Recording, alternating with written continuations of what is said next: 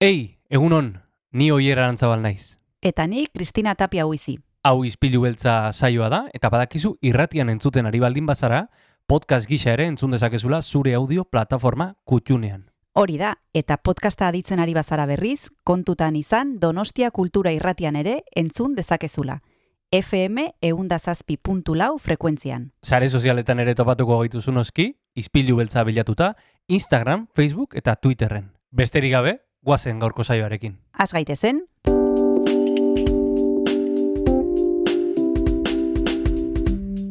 Ispilu beltza. Donostiako kulturaren berri, Oyer Arantzabal eta Kristina Tapia buizirekin. Egun honen zure irailak amairu ditu, aste artea da, eta beste egun batez hemen gaude Donostia Kultura Irratian, Donostiako kulturaren isla izateko prest. Hau izpilu beltza delako, egun hon, Kristina? egun on oier zer modu zaude? Ba, primeran, primeran, e, berotzen, berotzen zinemaldirako, e, gogo handia daukadalako e, zinemaldian murgildu eta, eta bueno, euskal zinemaz eta nazioarteko zinemaz gozatzeko. Bai, gainera badekizu aurten e, euskal film batzuk ere e, ba, saio ofizialen lehiatuko direla, Bai. zuzendari berrietan, eta bar, eta hoiekin hitz egiteko aukera izango dugu, eta gaur naiz eta zinemaldia oraindik ez hasi, zinemaren inguruan arituko gara izpilu beltzan, badekizue astertetan Kresala Zinekulbeko lagunak etortzen zaizkigula, eta gaur Janet Diez gonbidatu dugu Costa Brava Libano pelikula proiektatuko dutelako, Munia Aklak zuzendutakoa, eta gainera, e, zinemaldiarekin lotuta, Marina Palazio artistak e, erakusketa bat e, sortu du, tabakaleran ikusteko aukera izango duguna, Film Not Found Try Again, eta bertan sortu ditu, asmatutako pelikulen kartelak, argazkiak txertatu ditu. Bertan, nik ezakit nola izango den, berak esplikatuko Mhm. digu hobeto, oso gauza bitxia, eta urriaren hogeita maikera arte ikusteko aukera izango dugu, oier? Bueno, gaur zinema zitzen dugu beraz, e, naiz eta oraindik zinemaldiaren bezperetan egon, e, esan bezala urriaren hogeita maikara arte erakusketa bitxi hori, eta e, kasalako lagunak gaurko ispilu beltzean, gainera, Jon Gartziaren musika, az gaitezen berarekin. Guazen gaurko saioarekin.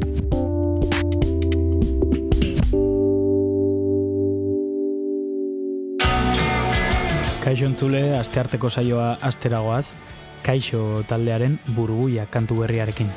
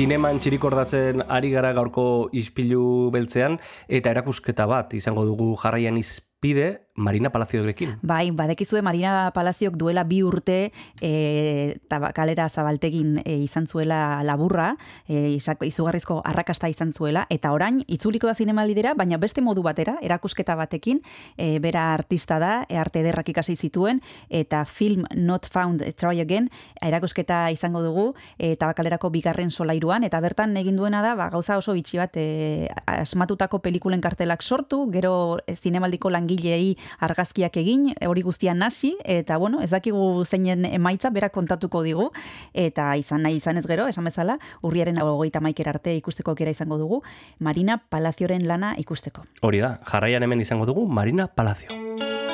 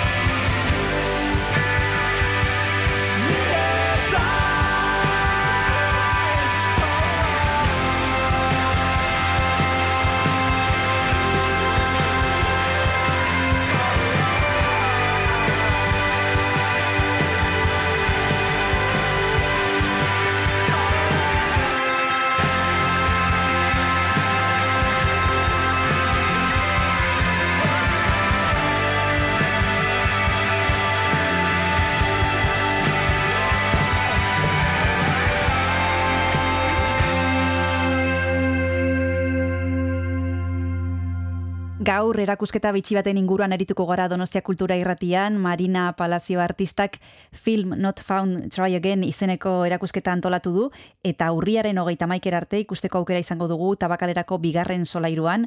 Egun uno, Marina, ¿qué tal estás? Bueno, muy bien, muchas gracias. Bueno, eh, siempre alrededor de estas fechas, bueno, siempre, ya ha ocurrido dos veces, tenemos tenido que llamar porque tienes un trabajo que presentarnos. Hace dos años ocurrió con el corto, que tanto éxito tuvo y que pudimos ver eh, en septiembre aquí en el Cinema al Día, y ahora vienes con una exposición, otro género totalmente distinto, y lo primero que nos gustaría saber era es eh, en qué consiste esta exposición eh, Film Not Found eh, Try Again que, que presentas y que podemos ver hasta el 31 de octubre. ¿Qué es lo que has reunido ahí? Pues eh, consiste en un proyecto eh, fotográfico eh, de inventar e imaginar películas, bueno, carteles de películas que nunca han existido ni van a existir, para intentar retratar eh, más o menos o lo, máximo que se pueda o acercarme lo máximo posible a la realidad de las personas que trabajan en el Cinemaldi, o sea, eh, o personas que están vinculadas de alguna manera al festival.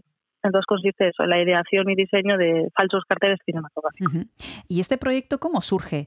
Eh, no sé si es una idea que tú ya venías rumiando, si es un encargo, si ha sido una mezcla de las dos cosas. Pues es un proyecto que nació hace cinco años durante mis estudios de Bellas Artes en Madrid. Ujú. Eh, fue, fue- realmente fue una idea que, que empecé a desarrollar para una asignatura y un proyecto que nació como una diversión y como un juego también de alguna manera, porque lo realicé con mis amigos y con mis familiares y las personas que de mi entorno de la carrera. Y, y lo disfruté tanto y supuso un cambio bastante grande en, en- en el desarrollo de mis proyectos artísticos que, que lo guardé ahí como lo atesoré y dije, esto lo quiero volver a hacer. Y, y nada, en cuanto ya digamos que mi relación con el cinema se fue estrechando, pues como que dije, creo que es perfecto para un, como un contexto así. Entonces, pues se lo propuse al festival y les encantó la idea y bueno, pues se, se, ha podido llevar a cabo gracias al. Ujú. Por un lado decías que tenemos eh, carteles ficticios y por otro lado fotografías de las personas que trabajan en el festival. Eh, en la parte de los carteles ficticios, eh, ¿te has inspirado en carteles que te han gustado? ¿Cómo, cómo has hecho ese trabajo? Mm, realmente, o sea, está todo, o sea, todo es un- una, una misma idea, es decir, son las fotografías que, luego mediante la, el diseño gráfico pues se, se forman carteles ficticios, o sea, es, de una sesión fotográfica, luego, o sea, sí que es cierto que mm, lo que primaba en este caso, al ser ante, ante todo un proyecto fotográfico, era el retrato. Entonces, sí que es cierto que no me he basado como en ningún cartel eh, previo, o sea, su- supongo que seguramente que algunos se parecerán. Obviamente no he inventado la palabra, tampoco habrá muchísimas referencias inconscientemente, pero eh, pero sí, en un principio eh, eso era primar el retrato y luego ya mediante el grafismo pues ir completándolo. ¿Y ha sido difícil convencer a las personas que trabajan en el festival en, para que salgan en las fotografías? Porque a veces aquí somos bastante tímidos para según qué cosas y yo no sé si esa ha sido una parte del trabajo también. Eh, pues realmente no ha sido muy difícil porque en cuanto a, o sea, realmente eh, yo cuando se lo comenté al Cinemali, pues ellos incluso me propusieron nombres de posibles personas que podrían llegarse a animar y en cuanto se se les propuso, pues la mayoría, vamos, encantadas y la verdad que han sido muy, muy, muy, muy amables y he estado muy, muy a gusto trabajando con todas las personas. Y ha sido fácil, o sea, y realmente sí que es cierto que había personas que igual tenían más, no sé, más vergüenza, sí, o más corte, pero bueno, siempre he intentado transmitir que un retrato hay bastante maneras de hacerlo, que no tiene por qué estar tu rostro en dos metros y gigante, sino que hay muchas maneras de realizar un retrato. Entonces, pues, ¿Y has tenido ocasión de hablar con ellas después, de, después del trabajo finalizado? Y yo no sé si se han sorprendido, si se esperaban algo así, si les ha gustado, si no tanto. Sí, por supuesto, el contacto sigue con todas las personas, eh, tanto antes como después de hacer el proyecto, eh, porque de hecho hay alguna en concreto que que forman parte de mi círculo cercano de amigos, entonces, eh, pero el resto, por ejemplo, había gente, pues depende, hay gente que se sorprende, hay gente que no se identifica del todo, hay gente que sí, pero en general, o sea, todo el mundo está súper contento y súper agradecido y, y yo, y yo, por supuesto, también. Ahora vamos a seguir hablando de este proyecto, pero nos vamos a tener a tomar un descanso y para eso te voy a pedir que nos pinches una canción para compartir con los oyentes. ¿Qué estás escuchando últimamente, Marina? Pues hay una canción que me ha recomendado una amiga mía, que me encanta, que se llama Color of Noise. Y de hecho así ella si la escucha pues se va a alegrar. Perfecto, pues vamos a escucharla. What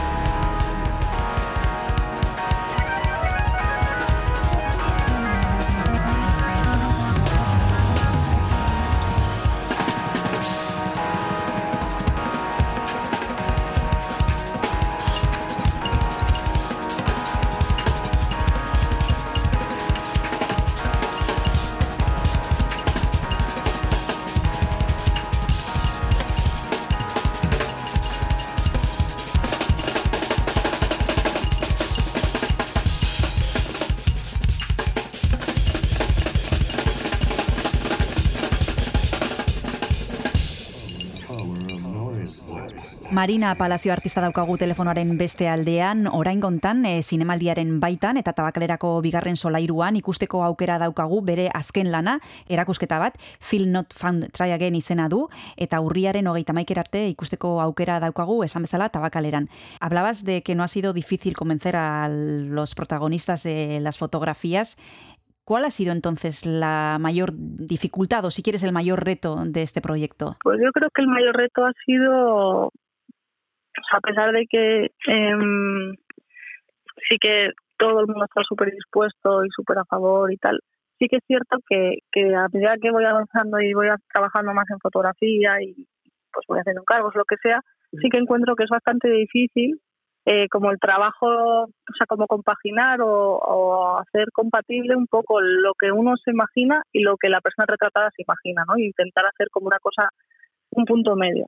Eh, porque al final eh, tiene que ser una cosa de un, un trato, ¿no? Digamos, es, yo tengo que estar contenta con la fotografía que realizo, pero el retratado de alguna manera también, obviamente. Entonces, hay veces que hay que, no sé, eso es muy complicado muchas veces, porque, por ejemplo, yo siempre que he sacado a las personas las he visto que salen genial o lo que no lo típico igual la persona ay pues yo no me veo nada bien y eso es realmente difícil de, de compaginar o sea me doy cuenta cada vez que, hago más y más retratos como bastante pero bueno en general tampoco ha habido un reto así Mm. Eso con me lo respecto... muy bien te lo has pasado bien, eso es lo más importante de todo, que te lo hayas pasado bien, que no haya sido un camino tortuoso. Eso en cuanto a las imágenes, Marina, pero ¿qué nos puedes decir de los textos que acompañan a estas imágenes? Eh, porque ahí también tenemos eh, una curiosidad, ¿no? Eh, ¿Quién es el autor de esos textos? Eso es, cada cartel en el lugar donde supuestamente normalmente van, digamos, los créditos, eh, cada persona retratada ha redactado su propio texto en el que desvela eh, su labor o su vinculación al cinema. Ajá. Entonces, pues es curioso y también son textos bonitos. Sobre todo he descubierto que, que cuando el resto de personas que forman parte del engranaje del cinema le han leído los textos se han emocionado porque al final también, pues bueno, son personas que llevan trabajando muchos años, muchos años juntas y, y al final también se generan pues amistades y todo y bueno, pues sí, es, es, es bonito también ver cómo cada una de las personas ha, puesto su, ha escrito su texto y ha explicado un poco quiénes son. Eh, mira, la nota de prensa que ha mandado el festival hablando de, esta exposición y en la que se explican eh, los detalles, eh, hablaban de manipulación de las imágenes. Y yo me he quedado pensando que esa palabra eh, precisamente buena prensa no tiene, ¿no?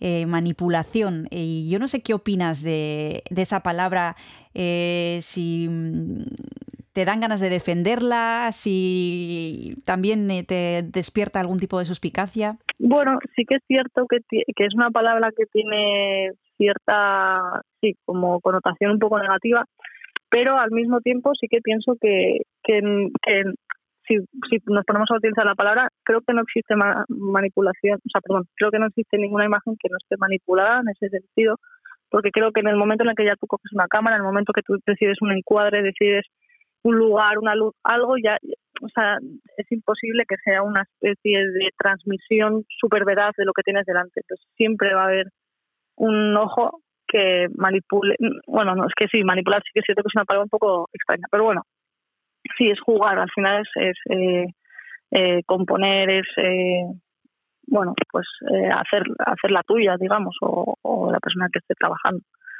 Sí, pero bueno, eso, eso es un tema de inter- interesante. creo que no creo que no existe imagen que no esté manipulada, por así decir. Aunque sí que es cierto que, que bueno, que hoy en día, pues en la fotografía o, o dependiendo en qué tipo de fotogra- fotografía, por ejemplo, en el sector de moda, pues sí que se habla mucho de la manipulación, ¿no? De que lo que ves no es nada real y todo eso, pues sí que es cierto. Pero bueno, esto sí, sí que es cierto que son carteles bastante sencillos y las personas salen bastante, pues, pues en un entorno muy sencillo, de manera muy, muy, muy sencilla. Entonces, pues manipulación en ese aspecto, pues no. Pero Eh, siendo Donostiarra, Marina, has tenido ocasión de acercarte al festival de diferentes maneras. Supongo que primero como espectadora y de ir al cine sin más. Después, eh, como decíamos al principio, hace dos años tuviste la oportunidad de mostrar eh, un corto. Eh, ahora eh, vuelves con esta exposición. También, gracias a tus estudios, has tenido otro tipo de acercamiento al festival. ¿Qué significa para ti este certamen? Pues la verdad que, a, que a medida que pasan los meses y los años significa más porque eh, gracias al Cinemaldi eh, y en parte también obviamente pues a Elías que está sin escuela y, y que al final es un poco el, el conector para yo empezar a, digamos, eh, a emprender un camino en el cine y luego estrenar Ya no duermo en el Cinemal y todo, pues es súper importante. O sea, a día de hoy, bueno, obviamente es el lugar donde se estrenó mi primera peli y el, el, festival que apoya también mi, mi, mi primer largometraje y que, no sé, o sea, para mí pues es, pues, y también me doy cuenta de eso, de que cuando siempre he sido espectadora desde chiquitita, pues no valoraba realmente al ser de Donosti, igual lo que tienes cerca no valoras que sea un festival tan grande, pero realmente es, que es realmente importante y, y bueno, y sobre todo a nivel personal pues también. Ahora mismo vamos a seguir hablando del festival y también vamos a seguir hablando de ese primer largo que está en camino, pero nos vamos a tomar el segundo descanso y volvemos ahora mismo.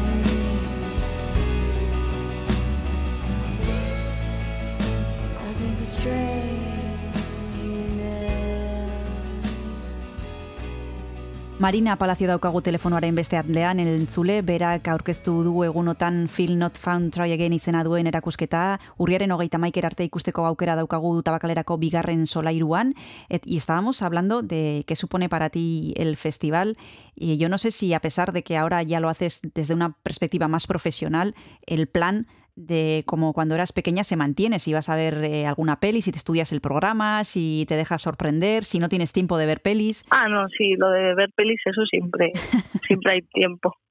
Sí, sí, sí, sí. Sobre todo, bueno, en el caso, en el momento en el que ya, por ejemplo, el primer, o sea, hace dos años ya tuve, eh, bueno, estoy en el corto allí, pues ya tenía acreditación y podía acceder a, claro, no, a todas las Claro. que quisiera y eso siempre, sí. Y este año también, entonces, pues, claro, hay que aprovechar y, y sí. Sí que es cierto que no soy de las personas que se hace maratones de siete pelis.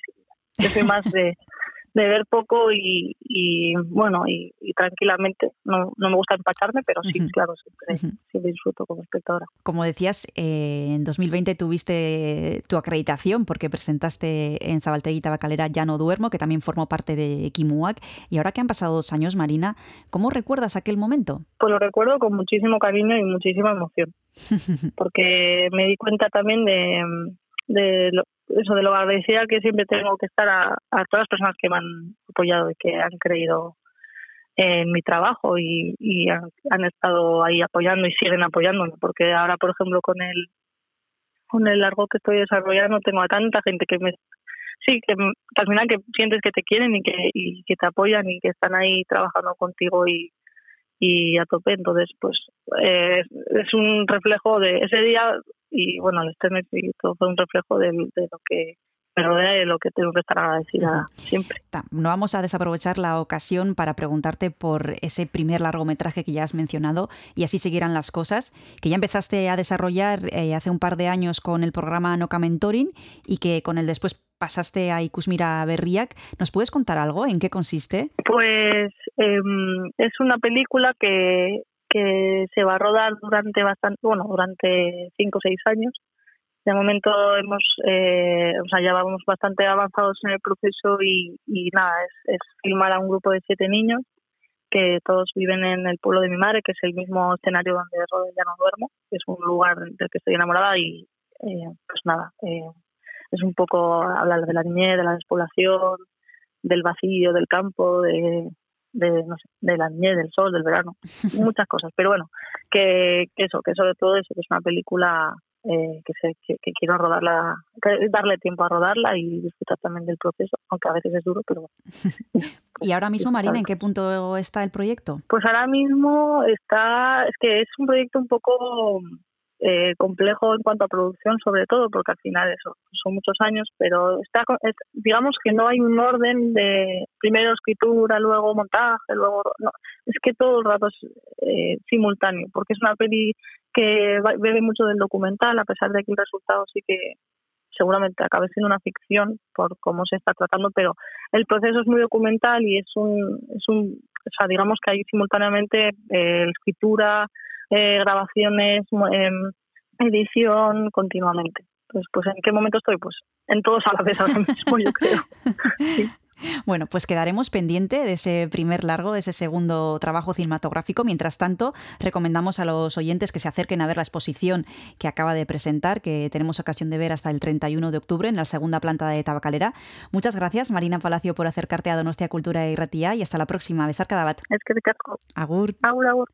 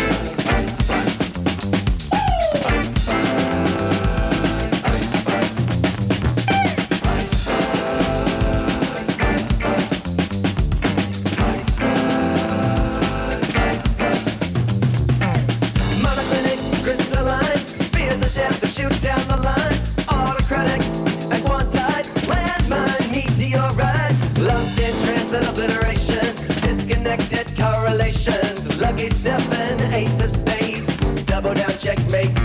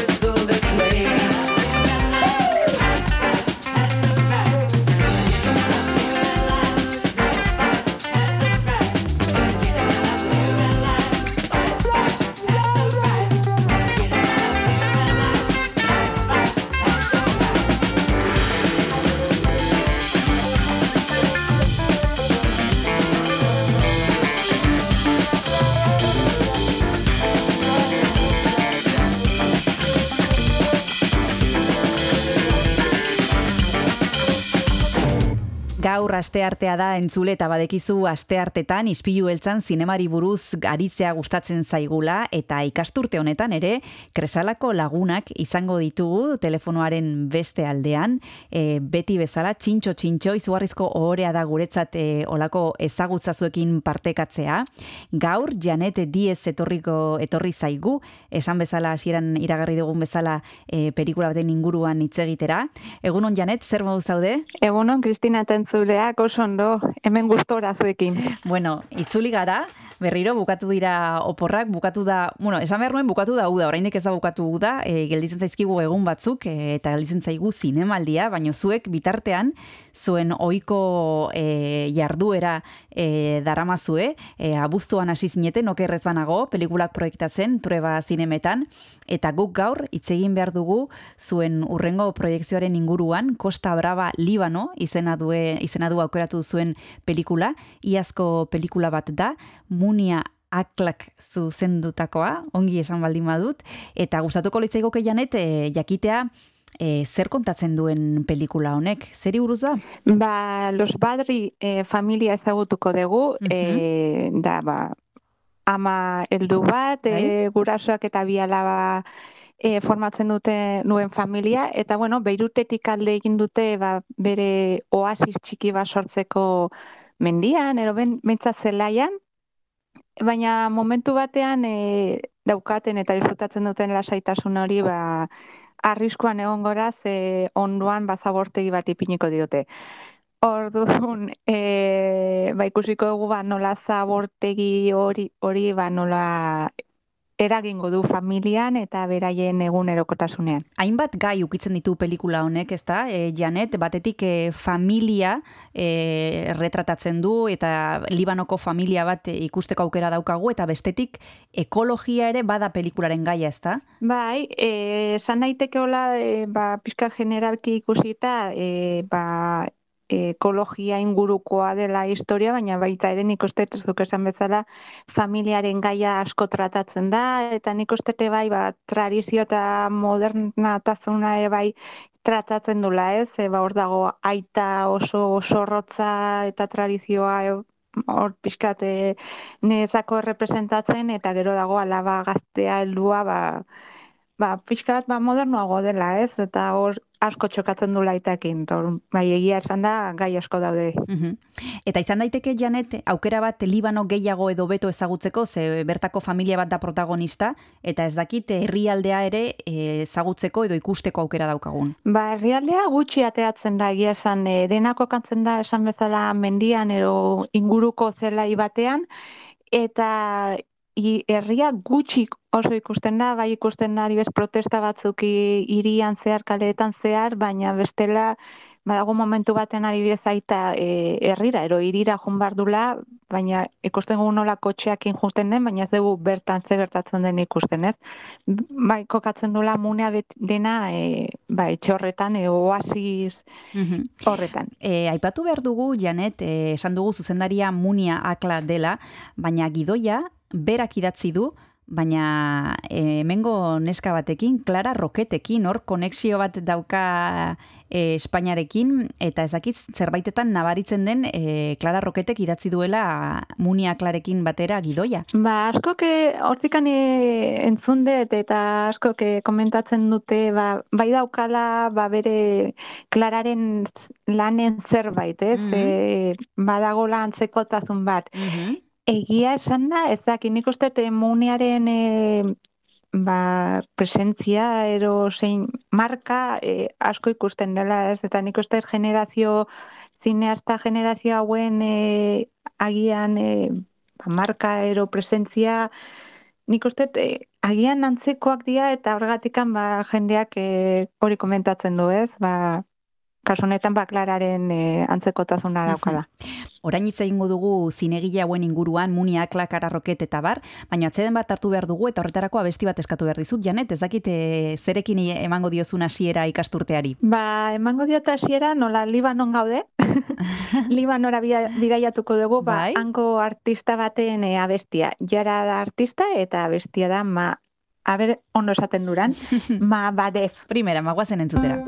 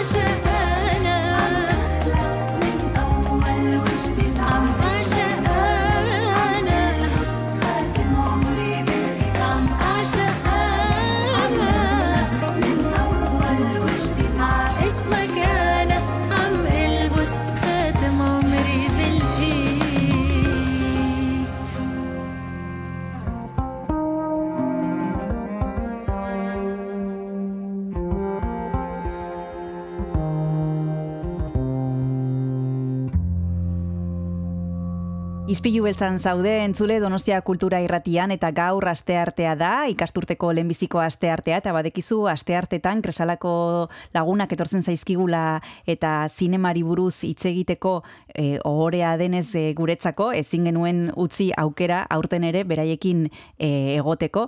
Gaur telefonoaren beste aldean Janet Diez daukagu eta pelikula da Costa Brava Libano, eta gian hor izenburuan pistatxo bat daukagu Costa Brava Libano, lehen aipatu dugu e, gidoigileak e, Muni Akla, zuzendaria dela eta Clara Roket direla, eta esan dezu hor badagoela e, generazio bat nun e, zinemagile hauek daukaten ba, seio bat edo zigilu bat e, hobe esan da, eta ezaugarri batzuk dituztela. Zein dira ezaugarri horiek? Ze nolako pelikulak egiten dituzte emakume hauek? Ba, nik uste emakume hauek asko e, zentratzen dira, ba, ez, ga, e, bueno, garai ez, e, tema sozialetan, ez? E, agian gerturatzen dira gehiago, ba, emakumen historioa eta zero beste, bueno, gure inguruko pertsonen e, historietaz, eta aldiz, ba, beste batzuk ni baina baritzen ditut, ba, ba, igual beste historia batzuk kontatzen dituztela, ez? Igual ba, gehiago fantasiaskoak, ero, baina nik uste generazio hau asko zentratzen dela sozial gaietan. Mhm. Esan behar dugu Muniakla e, jatorria Libanon daukala, baino berez eh, jaiotzez bera estatu batuetakoa da, eta mm, hogeita, amabi, am, hogeita mairu urte ditu, bakarrik oso gaztea da, mila bederatzireun eta laro meretzikoa da neska, Clara Roket ere oso gaztea da, eta aipatu behar dugu Janet pelikulan, aktore nagusia Nadine Labaki dela, e, Donostian oso ezaguna hainbat e, lanetan ikusteko aukera izan dugulako, ba igual bere lanik ospetsuena lehenbizikoa izan zelako edo ezakit karamel e, izan zen eta geroztik lan, lanpia bat egin ditu. Pelikula hontan ze papera tokatu zaio? Ba bai, nari lamik ikusiko dugu pantalla, pantalla handian egia da, Ba, kasu honetan amaren papera ingo du, eta Mhm. gaina pixuan deukiko du, ze, noske, aita eta alaben artean egongo da hor, e, ba, ezaki borroka ero bintzan negoziatzen hor egongo da. terremoto, bi terremoto ero bintzat bi indaroien artean, eta nik uste e, kriston lan egiten dula, eta baina barmenduko nuke bai, e, alaba txikiaren e, papera. Gauza bat e, komentatu genuen asko taldean da e, alaba txikia nola rapatzen dizun. Eta bai, osea, gaina egiten dioten planoa kristonak dira eta amaren kasuan e, bai baritu plano batzuk eta momentu batzuk ikaragarrizkoa diela. Askotan ez du ez, asko esaten, baina irurien aldetikan asko pasatzen digu ikusle. Mhm. Ba, fijatuko bara e, alaba txiki horren e, rolean, eta esan bezala, e, Nadine Labaki hiri tokatu zaio amaren papera, e, beste pelikula batzuetan izan dugu aktore bezala eta zuzendari bezala, e, adibidez, e, y ahora a donde vamos e, eta Kafarnaunen okerrez banago bera ere zuzendari gisa aritu zen, eta baita Libanoko realitateari buruz aritu zitzaigun orduan. Em, zerbait etzaizu gustatu pelikula hontan janet, e, zerbait e, zerbaitek egin dizu, ja, mm, hobetuko zenuke edo beste modu batera ingo zenukezuk? Babia, ez. Zehara, zeharo harrapatu nindun, e, gaina hasieran uste nun e, kostaku, kostatuko zitzaela sartzea, baina pertsonaiak eta kontatuta dagoen moruan e, zeharo harrapatu ninun lehendabiziko momentutik, gaina baritu momentu batzuk e, irribarre bat atatzen zaizula, ari bezala amonaren kasuan, bueno, spoiler txiki bat ingoet. e, ba, dago, en plan, pixkat ligoteo, gizon heldu batekin, zabortegiko gizon batekin, eta bai, oso, oso politak dira momentu eta bai, netzako ez nuke zer aldatuko. Ba, primeran, e, tarte bat hartu behar dugu, bigarren tartea, eta horretarako badekizu bigarren abesti bat eskatu behar dizu dala, eta orain bertan jarraituko dugu hitz egiten Costa Brava Libano pelikularen inguruan. Ze abesti entzun dezakegu orain, Janet? Ba, lehen esan bezala, bueno, lehen jarri dugu Libanoko abesti bat, e, karo, hau botako dugu Donostin, Euskal Mhm. Herrian, eta Clara Roket e, Kataluniakoa da, ordun nasketa hori representatzeko, ba, Miki Nuñez eta Izaroren eskriuren abestia aukeratuet. Ederki, bagoazen entzutera. Un nou dia començat, em llevo al teu costat, respires lentament. Un nou dia t'ha abraçat, et lleves i no saps que enyorarem aquest moment. Les casualitats són les que ens han portat a viure aquest present que jo no en sóc conscient si m'esperes allà fora et cantaré. Escriurem que tot no va ser fàcil, cantarem la nostra vida en un paper.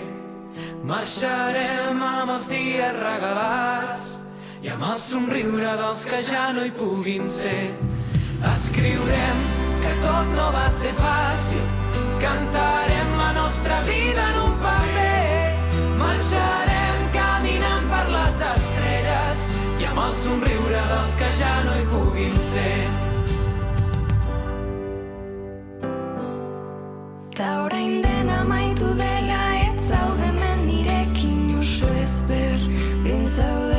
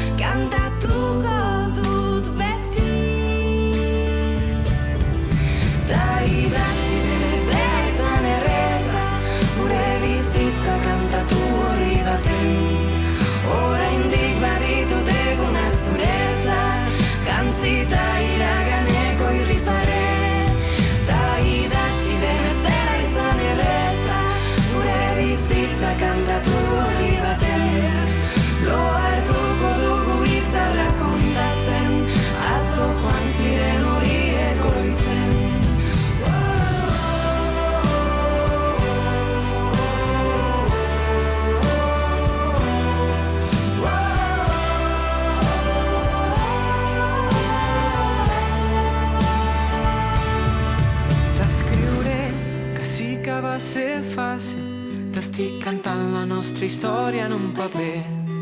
Marxaré recordant tots aquells dies. No la sang d'un indus estuva bé. Escriurem que tot no va ser fàcil. Cantarem la nostra vida en un paper. Marxarem amb els dies regalats i amb el somriure dels que ja no hi puguin no va ser fàcil.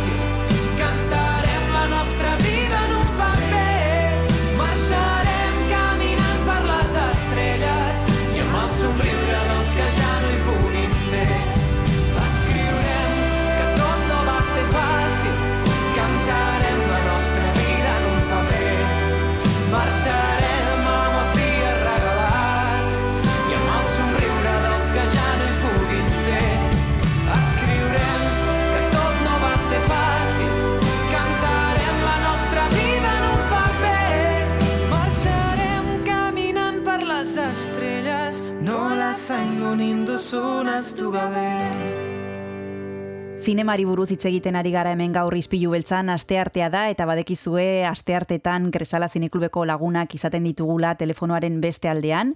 Gaur Costa Brava Libano pelikularen inguruan ari gara Janet Diezekin, Munia Aklak eh, zuzendutako pelikula. Iaz eh, ikusi zuen argia lehenbiziko aldiz eta bertan ikus dezakegu ba, Libanoko familia baten eh, historia. Eh, esan duzu Janet, ez zaizula eh, dena gustatu zaizula pelikula hontan, e, zerbait azpimarratzekotan gauza bat edo pare bat zein izango lirateke? Ba, nik uste e, pertsonaie, bueno, aktoren lana, ze netzako ez darreza hain leku, bueno, e, leku batean, ba, hainbesteko gauzak espresatzea, ez? E, lehen esan bezala, eta netzako e, ba, tradizioa, erogintzat, hortan ba oso zorrotzara eta gero ala badago modernoago. Nik uste beraien lanak eta nola espresatzen duten e, nabarmen nuko nuke. Bueno, ba, gogoratu behar dugu non ikusiko dugun pelikula, noiz ikusiko dugun? Ba, ikusiko dugu aste artea amairu, bai? arratsaldeko zazpitar ditan, beti bezala, truebako aretoan. Bale, eta nori tokatu zaio aurkeztea? Ba, neri. hori jakin behar, hori galdetu behar dizut, Janet, nola egiten duzue pelikulen banaketa e, e, bakoitzari gustatzen zaion bat aukeratzen du, edo al, agendaren arabera, edo zein nola egiten duzue antolakuntza hau? Ba, antolakuntza, ba, agendaren arabera baita ere, Mhm. ze batzutan, ba, igual lanaren arabera eta beste gauz batzuen arabera, ba, igual batek ezin du, beste batek egitegu, eta gero bai, ba, noski gustu, gustuen arabera, eta, bueno, e, zirkustantzia askoren arabera, ero batzutan ari bidez, e, nere kasuan, bani animatu nintzen, e, e, ausartu nintzen lanzelo dulak e, aurkestera, eta, ah, bueno, batzutan ba, batzuk e, aus, ausartzen geagoz batzuk aurkestea eta beste batzutan, ba, bueno, agenda ero ikusten dugulako, ba, norbaiteko beto ingo dula, ero Depende. bueno, ba, esan bezala, gaur e, ikusteko aukera daugagu Costa Brava Libano pelikula Troa Zinemetan arrazaldeko zazpieta, zazpiterdietan, Kresala Zineklubaren baitan, Janet Diezek aurkizuko du, eta esan behar diegu entzulei e, gerturatzen direnei, behintzat, parte hartzeko, galdetzeko, iritzia emateko, eta ba, esan bezala, beti esaten dugun bezala, e, gauza politak eta ideia politak surtatzen dira eztabaidan eta nahi izan ez gero, ba, esan bezala, gaur ratxaldeko zazpiterdietan Costa Brava, Libano.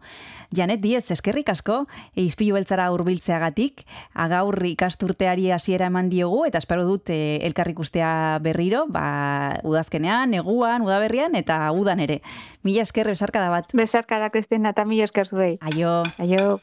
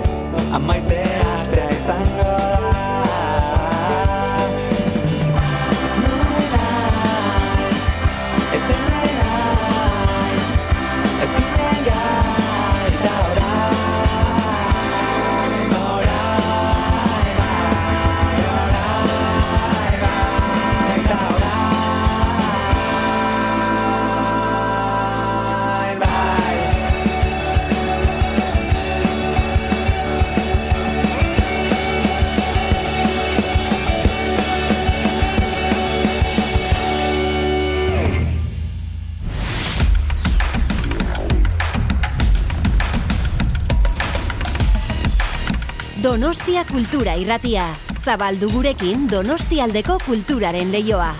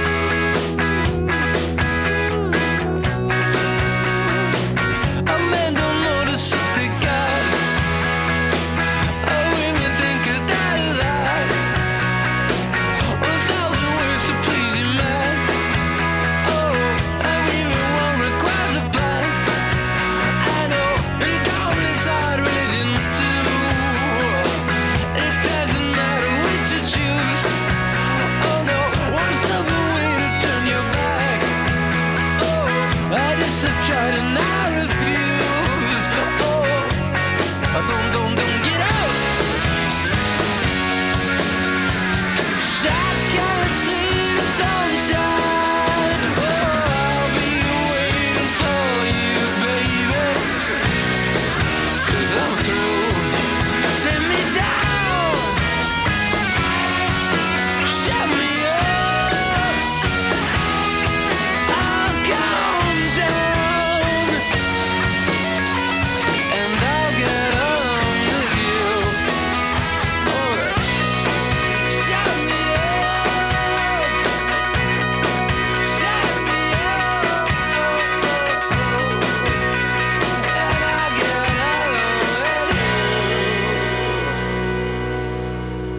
Amaitu dugu aste arte, amaitu dugu irailaren amairua, eta bihar asteazkena berriz ere etorriko gara. E, oraingoan, esan dezagun, antzerki pixka batekin, ez? Antzerkia eta literatura izango ditugu bihar izpide, batetik Iraia Elias aktorea izango dugu, berak aurkeztuko baitu besteak beste hiru kortxe azukre asko eta brandi gehiegi lana, gaztezenan ikusteko aukera izango duguna, eta gainera izango dugu aurtengo igartza sariaren irabazlea. Lizar Begoña, e, sopelako gaztea, itzalkinak eguzkitan testua e, bidali zuen, eta irabazi egin du.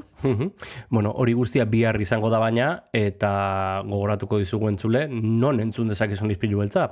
Alde batetik, e, irratian, FM undazazpi.lau frekuentzian entzun dezakezu, Donostia Kultura irratiaren frekuentzian hain zuzen ere, edo, e, bueno, nahi duzun momentuan, e, nahi duzun erara, entzun dezakezu baita ere, audio plataformetan, Spotify, Google Podcasten, Apple Podcasten, edo mm, podcastak edo audioak entzuten dituzun dena delako lekuan. Bertan arpidetu, eta lehenengoa izan zaitezke gure saioa entzuten. Besterik ez, Kristina? Bihar arte. Agur, agur.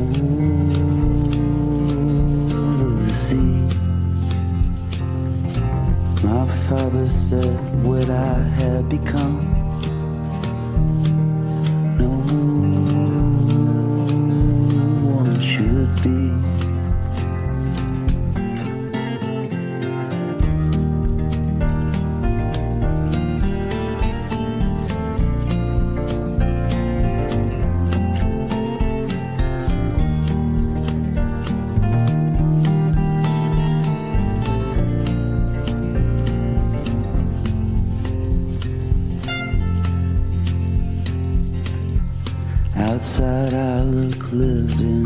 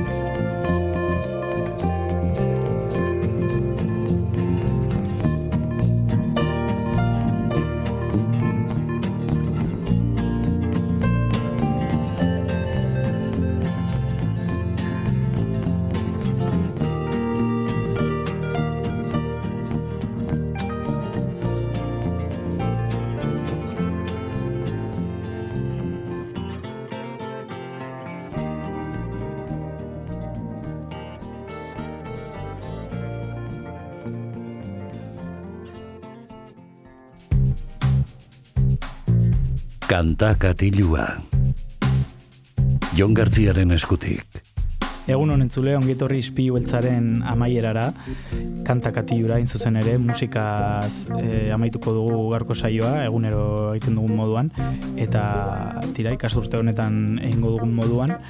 Garkoan e, ez dugu disko berri bat entzungo, e, 2000 emezortzira joango gara, boi azuga taldearen One Two Kung Fu diskoa zautzeko, eta guazen besterik gabe astera, hau da, lehen abestia Breakfast Epiphany.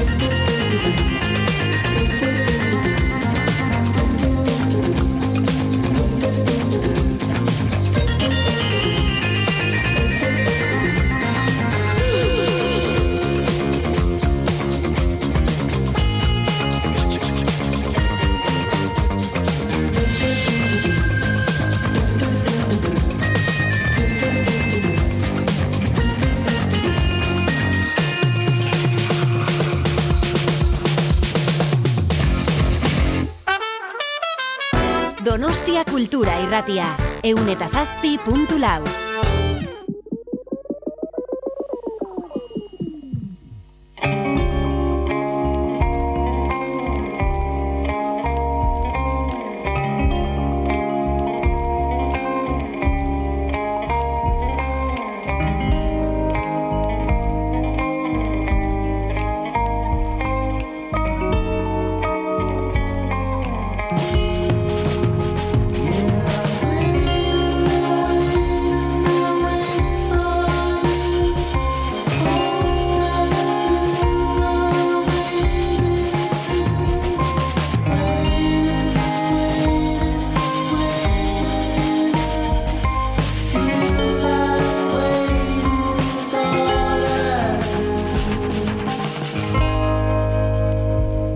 Galeseko boi azuga rock taldea ezagutzen ari gara gaurkoan kantakatioan ispilu beltzari amaira emateko hemen Donostia Kultura irratean badakizu eunda zazpi punto frekuentzian eta tira 2000 mazazpian sortu zen taldea Cardiffen eta 2000 emezortzean atera zuten ezagutzen ari garen lan hau One Two Kung Fu izeneko e, diskoa. Horain txentzun dugu Walking Thompson's Park e, abestia eta guazen urrengoarekin hause da Jerry.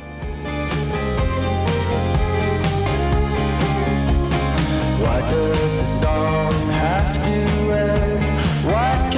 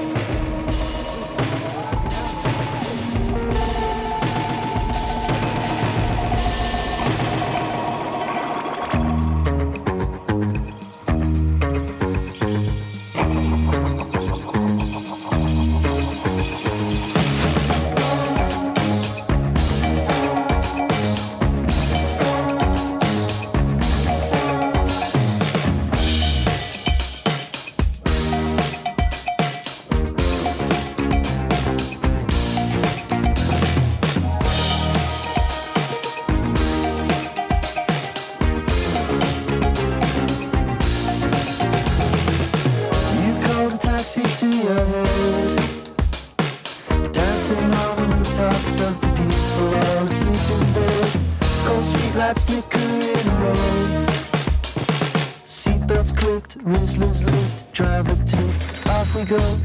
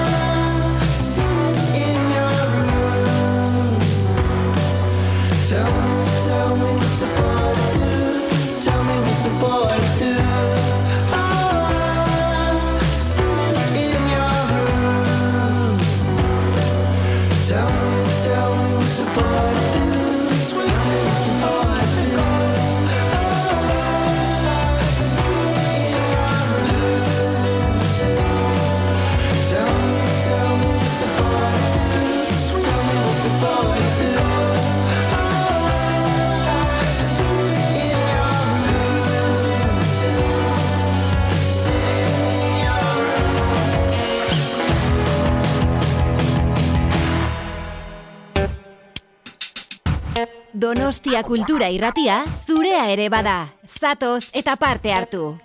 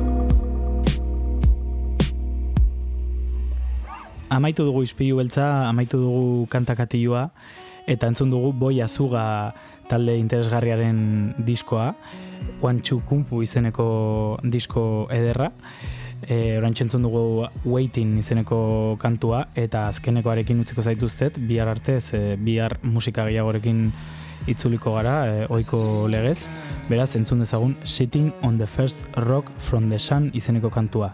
Bihar arte.